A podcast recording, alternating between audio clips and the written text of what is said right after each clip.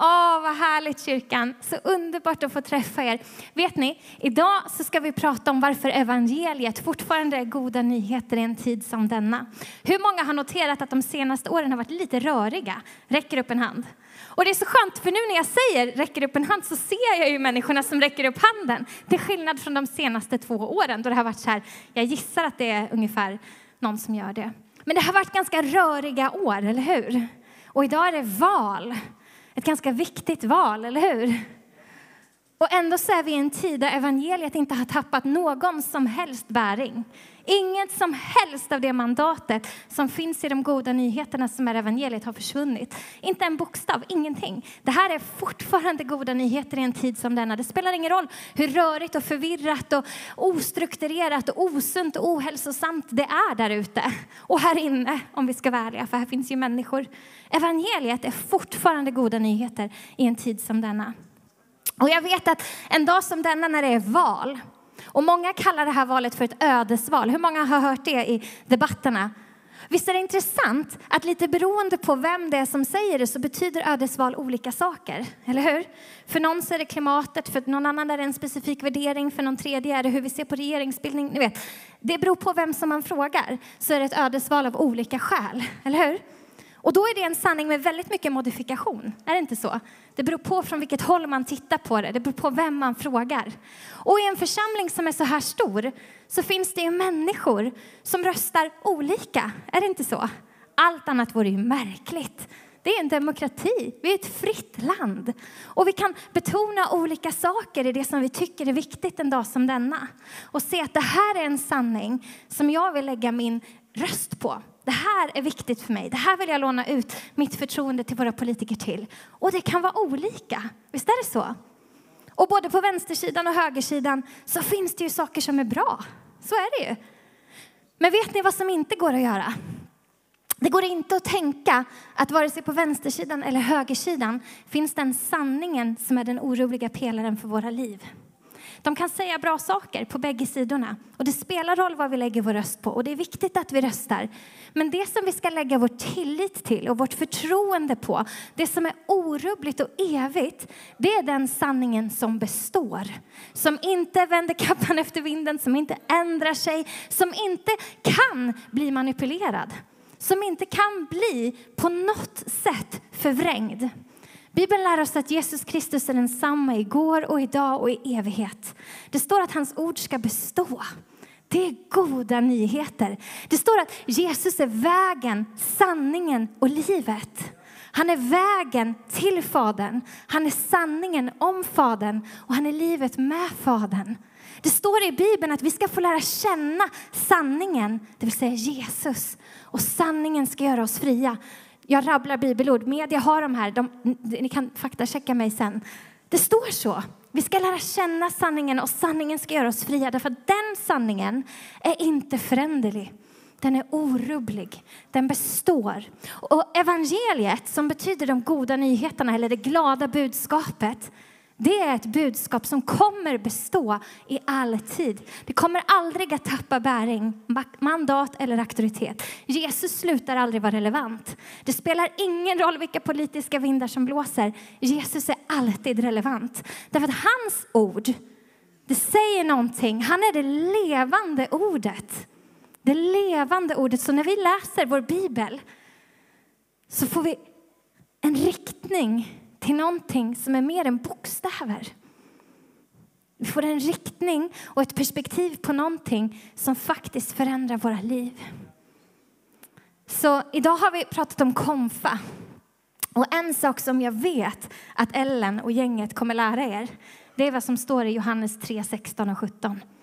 Det är liksom, om hon inte gör det, då får Simon ta henne i örat. Liksom. Nej, det får han inte. Så får man inte säga. Och det här spelas in. Men ni vet, det får han inte göra. Han ska inte göra det.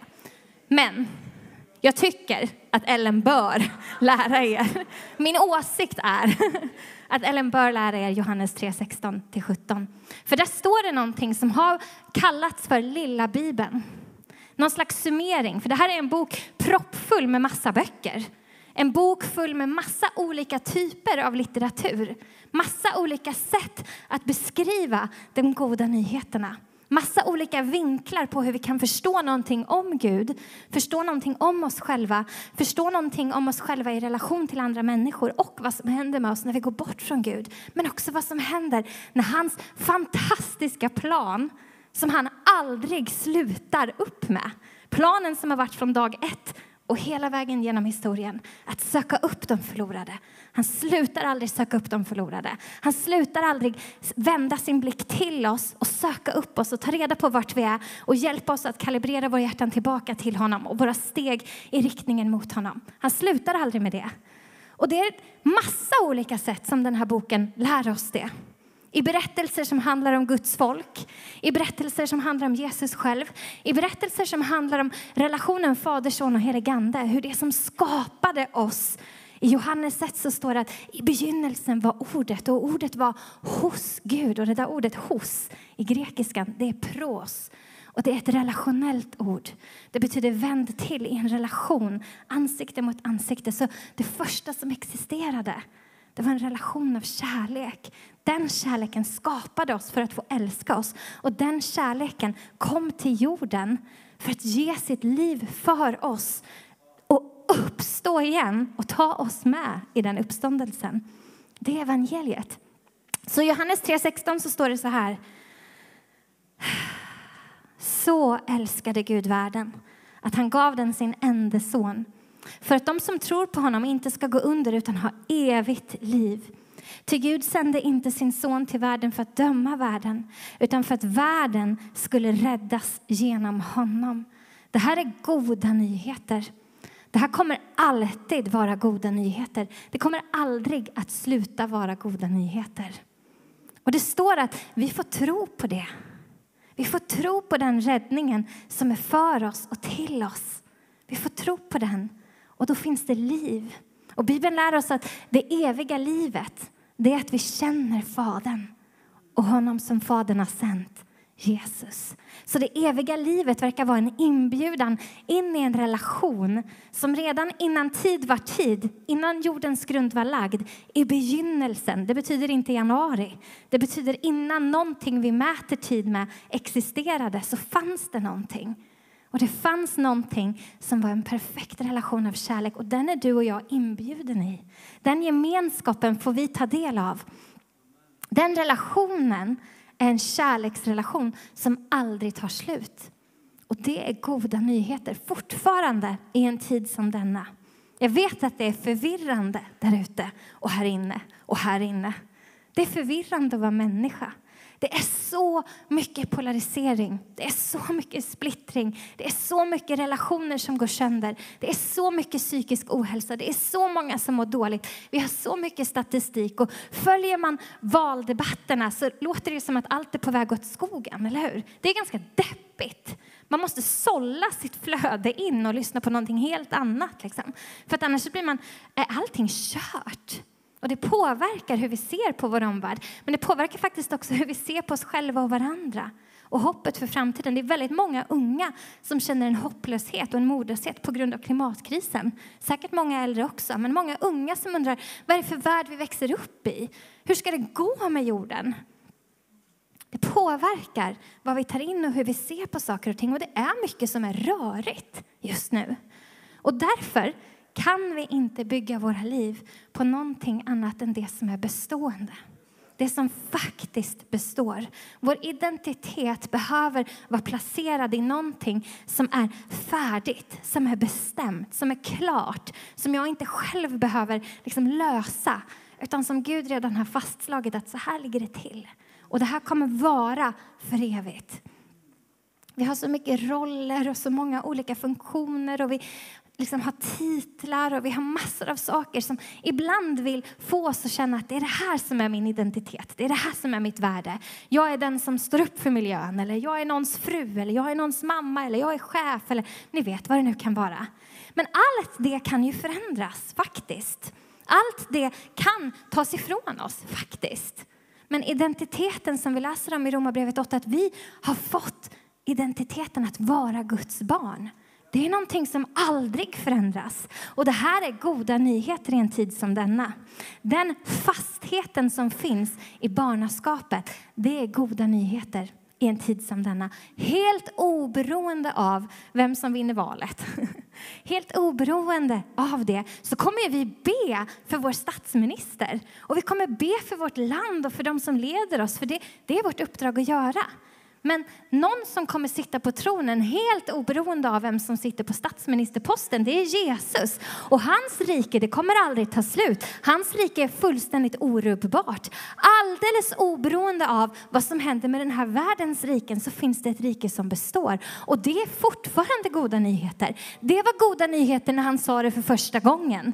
Mitt rike ska alltid bestå. Och det är fortfarande goda nyheter. Och det är någonting som vi får bygga våra liv på. Det är en stark grund. Men hur som helst, vi skulle ju prata om er. Ni har ju bytt namn. Vad hände? Man är borta några månader och så byter ni namn. Hur mår ni? Är det okej okay, eller? är det bra? Har, ni, har ni börjat landa? Jag har inte vant mig. Jag kommer kalla er Skövde Pingst liksom ibland så där i sömnen och sen så kommer jag liksom BTL, just det, BTL. Och så hjälper det att det är ett L, då kan man liksom tänka okej. Okay. Men att byta namn, det är faktiskt en stor grej. Det är inte bara någonting man gör. Det betyder ju någonting när vi byter namn. Namn är ju faktiskt identitetsmarkörer. Namn är någonting som faktiskt är profetiskt. Namn är någonting som faktiskt sätter riktning för våra liv. Namn är någonting som faktiskt definierar någonting och säger någonting om någonting. Och namn är faktiskt också väldigt, väldigt bibliskt. Alltså det finns namn i Bibeln, så man kan ju säga att det är bibliskt. Men det är också faktiskt bibliskt när Gud byter namn. Det finns i Bibeln att han ibland byter namn på saker och ting. Har ni märkt det? Har ni märkt att han gör det? Ibland när han byter namn så gör han det för att det är en specifik situation där det krävs att nu gör vi någonting. Men alltid när han gör det så säger det någonting om ett större perspektivskifte än bara det som är för individen. Ni vet Jakob i Bibeln. Han hette ju Jakob. Och Jakob han hade en historik av att vara ganska listig och lömsk och lura folk och bedra folk. Inte bara, han hade mycket annat som var toppen på hans lista också. Men han hade en del saker som inte var toppen. Och så kommer det till en passage i Bibeln där han brottas med Gud. Och där han liksom, det finns många saker som har gått sönder och det finns många saker han har gjort fel och det finns många saker som behöver upprättelse. Och vissa saker har kommit på plats. Vissa försoningar har faktiskt skett. Så kursen har börjat ändras. Men så säger Gud någonting till honom efter den här brottningen och efter att de har kommit till någon slags punkt där de kan möta varandra igen. Så säger han, nu ska ditt namn vara Israel. Och någonting händer när han säger till Jakob att du ska inte längre heta Jakob, du ska heta Israel. För då kommer Jakob nämligen ihåg någonting. Att just det, det här förbundet och den här kallelsen som jag är en del av, den gäller ju faktiskt fler än mig. Den gäller någonting som har varit och någonting som ska komma. Och så sätts Jakob, personen Jakob, in i ett perspektiv och in i en linje av att han tillhör någonting större. Att det finns en tillhörighet i någonting som inte bara handlade om hans eget liv och vad han har gjort rätt och vad han har gjort fel, utan han faktiskt fick tillhöra någonting som var större än så. Därför att Gud påminner honom om att han är vems? Abraham, Isaks och Jakobs Gud. Och Jakob inser att ja, du, det här förbundet som du slöt med Abraham. Och så kommer han ihåg att när Gud slöt det förbundet med Abraham så hette ju Abraham Abram först. Eller hur? Och det gick massvis av år och han fick höra att han skulle bli en far till många och det skulle vara liksom ett rike utan slut och det skulle ett förbund som skulle gälla för alla tider. Och så gick åren och Abraham såg ingenting. Ingenting skiftade, ingenting förändrades. Han började försöka lösa saken själv, ingenting hände. Och så kommer ett skifte en dag när Abraham kanske har haft sin identitet ganska länge, jag vet inte för jag var inte där, men i att han var den som inte fick se det där ske, som han trodde skulle ske. Kanske att han var missmodig, kanske att han var trött, kanske att han hade börjat tappa hoppet, jag vet inte. Men så kommer det ett avgörande skifte när Gud säger, ditt namn ska vara Abraham. För du ska vara fader till de många.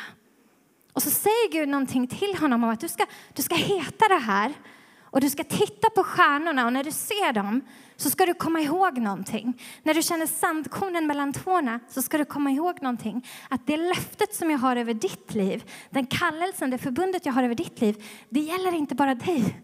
Det gäller de som ska komma efter dig. Det ska bli otaliga människor som ska tillhöra det släktet som jag ska kalla mitt folk.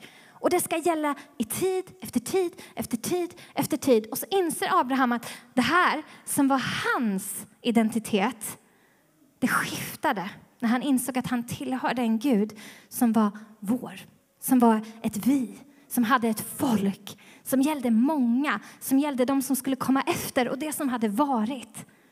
Den guden som sluter förbund med honom sluter ett förbund med honom som individ och ändrar riktningen för allting för all framtid. Det är ganska coolt. Vad har vi mer för folk?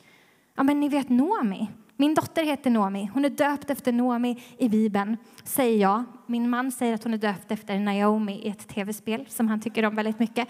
Men idag är det jag som har mikrofonen, så att låt oss säga att hon är döpt efter Nomi i Bibeln. Och Nomi, det betyder lycka och fröjd. Och när Noomi i Bibeln gick igenom en livskris, alltså en riktig, en sån där som vi knappt vet hur vi ska prata om i kyrkan, ni vet. Hennes man dog och hennes barn dog. Fruktansvärd avgrundsdjup smärta. Så begär hon av dem runt omkring henne att de ska sluta kalla henne för Noomi, För det namnet betyder ju lycka och fröjd. Hon vill att de ska börja kalla henne för Mara istället. För det var förknippat med bitterhet och att Gud på något sätt hade vänt sig bort från henne. Och så händer en massa saker som vi inte hinner prata om nu. Men det skiftar och hennes liv upprättas. Smärtan från det som har hänt finns ju kvar. Men hennes hjärta får upprättelse och någonting händer när hon inser att namnet Nomi hade inte med omständigheterna att göra. Det hade att göra inte med hur lyckat eller misslyckat, hur mycket sorg och smärta eller mycket lycka och fröjd som fanns i hennes liv, utan vem hon var, vems hon var. Att hon tillhörde en Gud som hade ett större perspektiv, som hade de många för blicken. Och när hon kom till den nya platsen där allting började upprättas och hennes släkt faktiskt fick fortsätta, så fick hon se hur hon passade in i ett pussel som var större än vad hon någonsin kunde förstå. Abraham, Isaks och Jakobs Gud var också hennes Gud. Och hon fick se hur det faktiskt började hända saker som hon aldrig hade kunnat förvänta sig. När hennes perspektiv var på att lycka och fröjd, det gäller bara om jag upplever lycka och fröjd. Är inte du och jag också så ibland? Eller hur? Det här gäller bara ifall att jag ser det. När omständigheterna förändras, då ska jag tro. Men det Gud kallar oss in i, det evangeliet kallar oss in i, det är att sätta vår tillit till honom som är orubblig, inte att omständigheterna alltid förändras. För ibland gör de det, och jag tror på mirakel. Jag tror vi ska se mycket mer mirakel. Men ibland ändras inte omständigheterna. Ibland så är det smärta och förlust som är en del av den mänskliga upplevelsen. Och då får vi lära oss hur vi är sårbara med varandra, hur vi älskar varandra mitt i stormen, mitt i det som gör ont. Och ändå ser att fokuset och perspektivet och guden som är orubblig faktiskt har sagt något om vår identitet som inte har att göra med det vi ser runt omkring oss. Det är ganska goda nyheter, tycker jag. Det finns fler personer som får sitt namn ändrat. Simon blir Petrus. Och det intressanta med att han blir Petrus det är att det sker helt oberoende av hur mycket Jesus vet att han kommer tabba sig. Det kommer skita sig rejält, ursäkta Simon. Det kommer gå åt skogen för Petrus. Han kommer förneka Jesus. Han kommer också tävla på ett ganska osympatiskt sätt med de andra lärjungarna om vem som är bäst. Liksom. Så Petrus har inget track record av att vara perfekt på något sätt. Och Jesus vet det. Han ser det i Petrus framtid. Han som är och var och kommer, han ser vart Petrus är på väg. Och ändå så vet han att hans identitet, att vara klippan, har mindre att göra med vem Petrus är som person och mer att göra med den stora bilden. Evangeliet, de goda nyheterna för tid efter tid efter tid efter tid och det arvet som Petrus skulle lämna efter sig. Hur det skulle passa in i Abraham och Isaks och Jakobs och Nomis och Petrus släkt. Inte släkt bokstavligen i Petrus fall, men ni förstår bilden. Jag liksom skruvar lite. Alla var inte familj med varandra, fast vi är ju familj med varandra på ett sätt. Men ni vet, det är inte... Någonstans så slutade jag vara logisk när det kom till släktleden, men ni, ni får köpa det. Jag måste prata jättefort för jag har jättemycket att säga. Så, att, så är det. Är ni med på bilden? Vår identitet har jättemycket att göra med vilka vi är. Men vår identitet har också jättemycket att göra med vem Gud är och vems vi är och hur vi hör ihop. Och det är viktigt att veta när vi pratar om evangeliet. När jag mötte Jesus, ni har hört digitalt i varje fall, de av er som inte sov eller lagade gröt medan den spelades, min historia om hur jag tog emot Jesus. Och under det där dygnet då de där avgörande sakerna hände, det där som skiftade allting för mig, när helanderesan började, så fick jag säga gång på gång på gång, åtminstone tre gånger, svara på frågan, är du Kristin? Och jag fick säga, ja, jag är Kristin. Och jag fick säga mitt namn. Och jag visste det inte då, men jag har tänkt på det i efterhand. När jag var liten och gick på typ mellanstadiet kanske, så gjorde vi någon sån här namnforskningsgrej. Och så skulle alla ta reda på vad deras namn betydde. Och så hade jag klasskompisar vars namn betydde så här vacker, ni vet Isabelle, Isabelle, vacker och blomma och ni vet så här vackra härliga saker som jag var superavundsjuk på. Mitt namn betyder den kristna. Och jag hade jättemycket problem med det. Jag skämdes ihjäl för det, för det var ju fruktansvärt. Och jag hade inte lyckats förlika mig med den tron som jag på något sätt skulle tillhöra. Hade ingen relation med den guden som aldrig skulle skämmas för mig. Men jag skämdes för honom. Och jag vill inte ha ett namn som betyder den kristna. Och så tänkte jag, men mellannamnet då? Jag kan skriva upp det på pappret. Mitt mellannamn är Birgitta. Den enda referensen var den heliga Birgitta. Och jag bara, vad ska jag göra med det här liksom? Det var helt kört. Och så har jag tänkt i efterhand på, när jag kom till tro, så fick jag säga, ja det är jag som är Kristin. Därför att det var ett profetiskt identitetsskifte. Från att ha varit någon som skämdes för det som skulle vara min tro till att vara någon som placerade sig själv i centrum av hans kärlek och bara, jag är din, jag tillhör dig. Du är min, jag vill inte ha någon annan. Du är vägen, sanningen och livet. Jag vill följa dig. Så jag fick svara, ja, jag är Kristin. Och med det säger jag, ja, jag är kristen, jag tillhör Kristus. Jag tror på honom, jag vill följa honom. Och det är spännande med namn, så ni har bytt namn nu. En fråga, är det alla, har alla bytt namn eller är det bara kyrkan? Ni heter fortfarande Ellen, eller hur? Ja, bra. Men kyrkan gör inte det längre. Och det kan vara svårt med sådana här skiften. Hur profetiska de än är, hur riktningsgivande de än är, hur starka identitetsmarkörer de än är, så kan de vara svåra. Det kan vara svårt. Det där valet att ändra riktning och säga det är hit vi ska, det kan vara svårt. Det kan vara svårt att vara kristen, att vara den som definierar sig och identifierar sig som Guds barn enligt Romarbrevet 8. Det kan vara svårt i en tid som denna att tro på och stå upp för att evangeliet fortfarande är goda nyheter till de vi möter runt omkring oss. Och ibland så har jag tänkt på den här identiteten vi får som Guds barn som tvådelad. Det är det där valet att säga jag vill följa dig. Ja, jag tror på dig. Vi sjunger ju det ibland, eller hur? Ja, jag tror på dig. Jag tror att du är uppstånden. Ni vet, har ni sjungit den här någon gång? Det har ni. Ja. Det ena är det, hjärtats val. Och det kan vara enkelt eller svårt. Men det andra, det är mycket svårare. För när riktningen är satt och valet är gjort så behöver man börja gå och agera och leva och handla som om det faktiskt är sant det man tror på. I Markus 12 säger Jesus som svar på vad det absolut viktigaste är det absolut viktigaste budet. Han får frågan, vad är det viktigaste? Och så säger han så här, det viktigaste är detta. Hör Israel, Herren din Gud är en. Och du ska älska Herren din Gud. Och så kommer de här med allt som du är. Du ska älska din Gud med hela din kraft, med hela din själ och din nästa som dig själv. Något större bud än detta finns inte. Och det är intressant att Jesus säger det. För det kan låta enkelt, men det kostar allt för Jesus att leva så, att älska sin nästa som sig själv. Och vad lär oss Bibeln? I första Johannes 4 att Gud är kärlek, eller hur? Att vi älskar därför att han först har älskat oss. Grunden för allting är att Gud är kärlek. Han älskar. Han har älskat oss först. I Uppenbarelseboken så står det att vi ska återvända till vår första kärlek. Ibland har vi läst det bibelordet som att det handlar, det kanske det gör också, om vårat agerande. Hur vi ska leva som vi gjorde från början. Så kan man läsa det och det, det kanske finns fler sätt att tolka, på, tolka det på. Men jag har tänkt ibland att när det står det, att återvända till den första kärleken. Tänk om den första kärleken är att han har älskat oss först. Vad mycket lättare det blir då. Om jag bara har kapacitet att älska mig själv i den utsträckningen jag förstår att jag är älskad av honom. Jag kan bara älska dig i den utsträckningen jag förstår att du och jag är älskade av han som är perfekt kärlek. Jag kan bara älska Gud, tillbe honom och ge mitt liv tillbaka till honom om jag har förstått att det är en gåva från honom från första början och att han som är kärlek valde att skapa mig för att älska mig. Och så säger Jesus att det här är det viktigaste av allt. Han som är det levande evangeliet, Jesus är ju de goda nyheterna, säger att det här är det viktiga. Det här är det, här är det ni ska tänka på.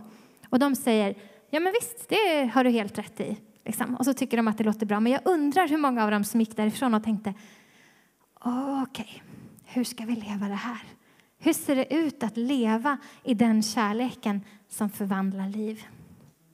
Hur ser det ut att leva som om den här platsen faktiskt var en plats av hopp? Inte för att ni är här, eller jo, för att ni är här. För att evangeliet bor i er, för att Jesus bor i er. Och när de kommer in hit så är det inte bara ditt hus och ditt hus och mitt hus och Guds hus. Det är också vårt hus. Det finns ett vi. Vi är del av en större historia. Vi är del av någonting som är Abraham, Isaks och Jakobs Gud, Nomis Gud, Petrus Gud. Den guden som valde att komma till jorden. Och vet ni att Jesus valde det i Getsemane trädgård, såklart, det vet vi, när han våndas, när han har ångest.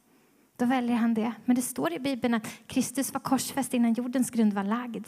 Att välja ut oss, att kalla oss sina, det var ett done deal innan jordens grund var lagd. Så valet var fattat i gudomen. Det här är lösningen. Men sen kommer det den där passagen i Getsemane trädgård när Jesus, människan, ska agera ut det valet. Ni vet, jag väljer det här, jag tror på det här och jag ska agera ut det här valet. Och då står det att han svettades blod. Så Jesus blödde för oss två gånger. Han blödde för oss i valet att gå till korset.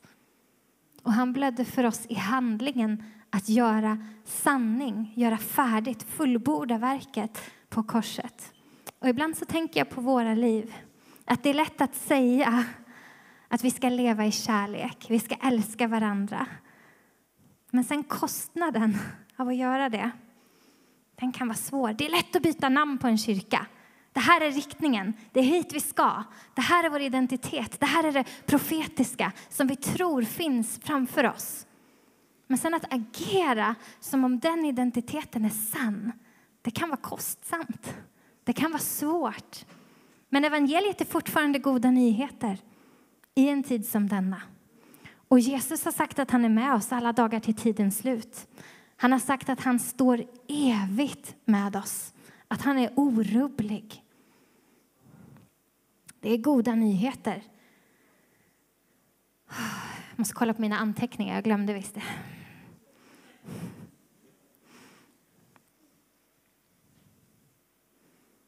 Mm. Så idag kanske det är ett ödesval i politiken på ett sätt. Om man vill definiera det så. Men det finns ett ödesval som på riktigt var ett ödesval. Och det var när Fader, Son och helig Ande bestämde sig, treenigheten bestämde sig för att skapa oss. Fullt medvetna om att det viktigaste som finns det är att vi älskar varandra, oss själva älskar Gud, förstår att den första kärleken är Guds kärlek till oss och att allt utgår ifrån den. Fullt medvetna om att det skulle komma till en punkt då mänskligheten så totalt hade tappat sitt förstånd att trots att Jesus var fullständigt fläckfri, perfekt, utan synd så stod vi, människorna, vi var inte där i fysisk form, men vi är människor så vi får liksom symbolisera de människorna som står och skriker korsfäst honom, korsfäst honom. Fullt medvetna om att när den punkten kom, då människorna hade tappat sitt förstånd så mycket, då var det dags att visa vad nåd är. Då var det dags att visa vad förlåtelse är. Då var det dags att visa hur försoning ser ut. Då var det dags att göra det som Jesus kom till jorden för att göra enligt hans eget vittnesbörd, att visa oss Fadern. Så Jesus visar oss vem Fadern är på korset allra tydligast. Att han är självutgivande kärlek, fullständigt medlidande, bar våra bördor, bar våra sjukdomar, bar vår synd, bar vår skam. Att han är radikalt förlåtande, fullständigt inkluderande, totalt frigörande. Perfekt sanning. Han visar oss Fadern allra tydligast på korset när han på korset väljer att kliva ner i ditt och mitt mörker och där finna oss i vår förvirring, i vår splittring, i vår oro, i vår ångest, i vårt kaos, i alla våra frågor. Och där, på den platsen som du och jag ibland bedömer som ovärdig kärlek, där tar han fram sin stora stämpel och stämplar oss med värde, med kärlek, med identitet som är orubbligt placerad i honom. Det står att ingenting kan skilja oss från hans kärlek, varken död eller liv, ingenting. Nada, inte något. Där visar han Faderns kärlek. Där visar han vem Fadern är. Så att ingen ska behöva undra och säga men det står ju och det här och det här, hur ska vi förstå det här? Ja, det här är en mycket komplicerad bok. Jag förstår den inte. Men när jag läser Johannes 3.16 så ser jag någonting som är väldigt goda nyheter och som bygger tillit i mitt hjärta till den Gud som jag har satt mitt liv i händerna hos. Att han kom för att rädda världen. Ni vet, när Jesus ska få sitt namn det finns ju profetier om Jesus från typ sida ett i den där boken. Så säger de att han ska heta Emanuel. Hans namn ska vara Emanuel. Sen döpte Josef och Maria honom till Jesus ändå. Det kan vi fundera på varför de gjorde. Men hans namn ska vara Emanuel. Gud med oss. Därför att hans namn skulle vara markören att här möts himmel och jord. Här möts Gud och människa i personen Jesus på korset. Och sen döper de honom till Jesus därför att de hade ju fått höra att han ska rädda världen. Han är jordens frälsare. Så det var också ett ganska viktigt namn. Namn har betydelse. Och evangeliet är goda nyheter alldeles oberoende av hur tiden förändras. För han förändras inte. När jag var 18 år, det är 17 år sedan nu. Eller hur? Är någon som kan matematik? Ellen, jag är 35. Stämmer det här? Så bra, för då hade jag skrivit rätt. Så för 17 år sedan valde jag att döpa mig. Det var ett val som förändrade allting. Jag valde att den riktningen som mitt liv skulle ta från den här punkten var en riktning mot Jesus, till Jesus, med Jesus, i Jesus. Att det som skulle definiera mina steg framöver var evangeliet. De goda nyheterna, min tro på att han lever idag. Att han inte är kvar i den där graven utan att han har uppstått. Och att i dopet så fick jag lämna det gamla och något nytt hade kommit. Andra Korintierbrevet 5 och 17. Det gamla är förbi och något nytt har kommit. Det är goda nyheter. Det behöver inte ha varit supertrasigt för att det ska vara goda nyheter. Du kanske finns här inne idag som fattade det beslutet, det valet att sätta din identitet i att vara ett Guds barn för 40 år sedan. Du kanske beslutade det för 20 år sedan. Du kanske satt på komfa. Kyrkan är 110 år gammal så det finns ju en risk att chans att du har suttit på den här bänken och varit komfa för, jag vet inte, 15 år sedan, 30 år sedan. Det finns möjligheten. Och väljer att ändra kurs för sitt liv. Vänder att sätta fokus, att säga att det här, mitt namn är Guds barn. Min tillhörighet är att jag är Guds barn. Du kanske fattade det valet, det beslutet för ett år sedan. Du kanske döpte dig nu under sommaren. Du kanske finns här inne som inte har fattat det valet. Som inte har lärt känna den kärleken som innan jordens grund var lagd älskade dig, valde dig och sa att det var värt allt. Att få älska dig är värt allt. Det får kosta allt. För du är min ögonsten. Och det spelar ingen roll vad andra har definierat dig som. Kallat dig lyckad eller misslyckad. Det spelar ingen roll. Jag kallar dig min. Du är min.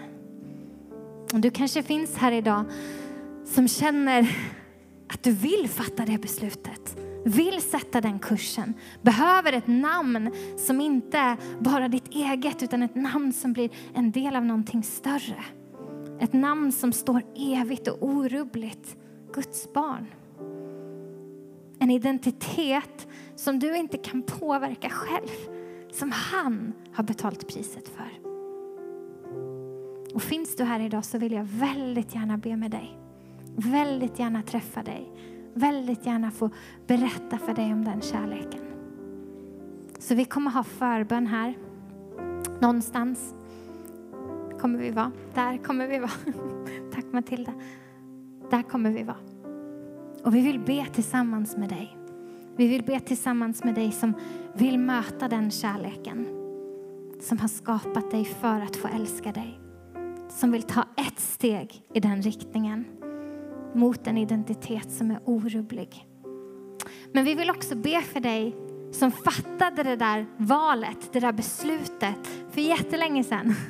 Och sen som tycker att det är ganska trögt att gå och leva det där livet. Att det kostar väldigt mycket att älska andra, men också sig själv. Det kostar väldigt mycket, det är svårt. Dig vill vi så gärna be med. Vi vill be med dig. Därför att Jesus han blödde två gånger. Han blödde i valet och han blödde i handlingen. Och du och jag, vi får liv i valet och vi får liv i handlingen. I Johannes 17 så ber Jesus för dig och mig. Tänk att Jesus ber för dig och mig. Jag tycker det är ganska coolt. Han är på väg mot korset. Han summerar allting. Han vänder sig till himlen. Han lägger allting på sin plats och gör sig redo för det mest smärtsamma och det mest dyrbara. Och så ber han för sina lärjungar och han liksom summerar. Det är som att han gör en sån här, ni vet, vad heter det? Eulogy, en sån här, när någon har dött så läser man om deras liv.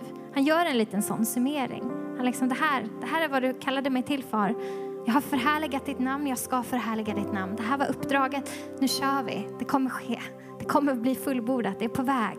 Och så lite längre ner i Johannes 17, från vers 20, så säger han någonting som är helt otroligt. För då har han bett för lärjungarna, de som har känt honom och gått med honom. Så säger han, men inte bara för dem ber jag. Inte bara lärjungarna utan också för alla som genom deras ord tror på mig. Det är du och jag. Utan lärjungarnas ord skulle du och jag inte ha fått höra evangeliet. Jag ber att de alla ska bli ett. Och att liksom du Fader är i mig och jag i dig, också de ska vara i oss. Då ska världen tro på att du har sänt mig. Den härlighet som du har gett mig har jag gett dem för att de ska bli ett och för att liksom vi är ett, jag är dem och du är mig, de ska fullkomnas och bli ett. Då ska världen förstå att du har sänt mig och älskat dem så som du har älskat mig. Det här är helt otroligt. Han ber att den härlighet som Fadern har gett Sonen ska vara mitt ibland oss. När Mose ber att få se Guds härlighet, vet ni vad det är som passerar förbi honom då? Bland annat. Det är Guds godhet, det är Guds nåd och det är Guds barmhärtighet.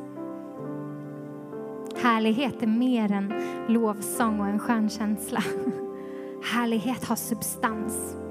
Det syns i hur vi älskar varandra, hur vi talar om varandra, hur vi älskar oss själva, hur vi agerar, de val vi gör.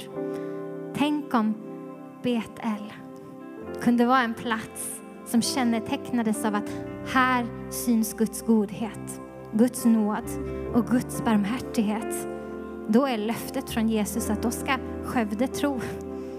Då ska världen få ett exempel på vad utgivande kärlek är och då ska de tro. Så vill du för första gången, för andra gången, för 900 gången ta ett nytt steg i riktningen mot den Gud som alltid och evigt har älskat dig så välkommen till förbönsrummet. Vi ska sjunga lovsång tillsammans och jag vill bara be en bön som avslut. Tack far, tack Jesus, tack heligande. Tack att du är här just nu med dina goda nyheter, med ditt sanna evangelium.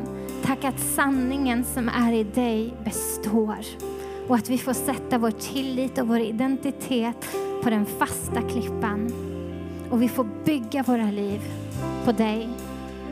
Jag vill be för den som just nu känner att det drar lite grann inom den. Att faktiskt komma fram för förbön och ta ett steg i riktningen mot dig. Att du skulle ge mod till de fötterna och till det hjärtat. Och så vill jag be att du ska välsigna den här församlingen med allt ditt goda, med ditt överflödande liv. I Jesu namn. Amen.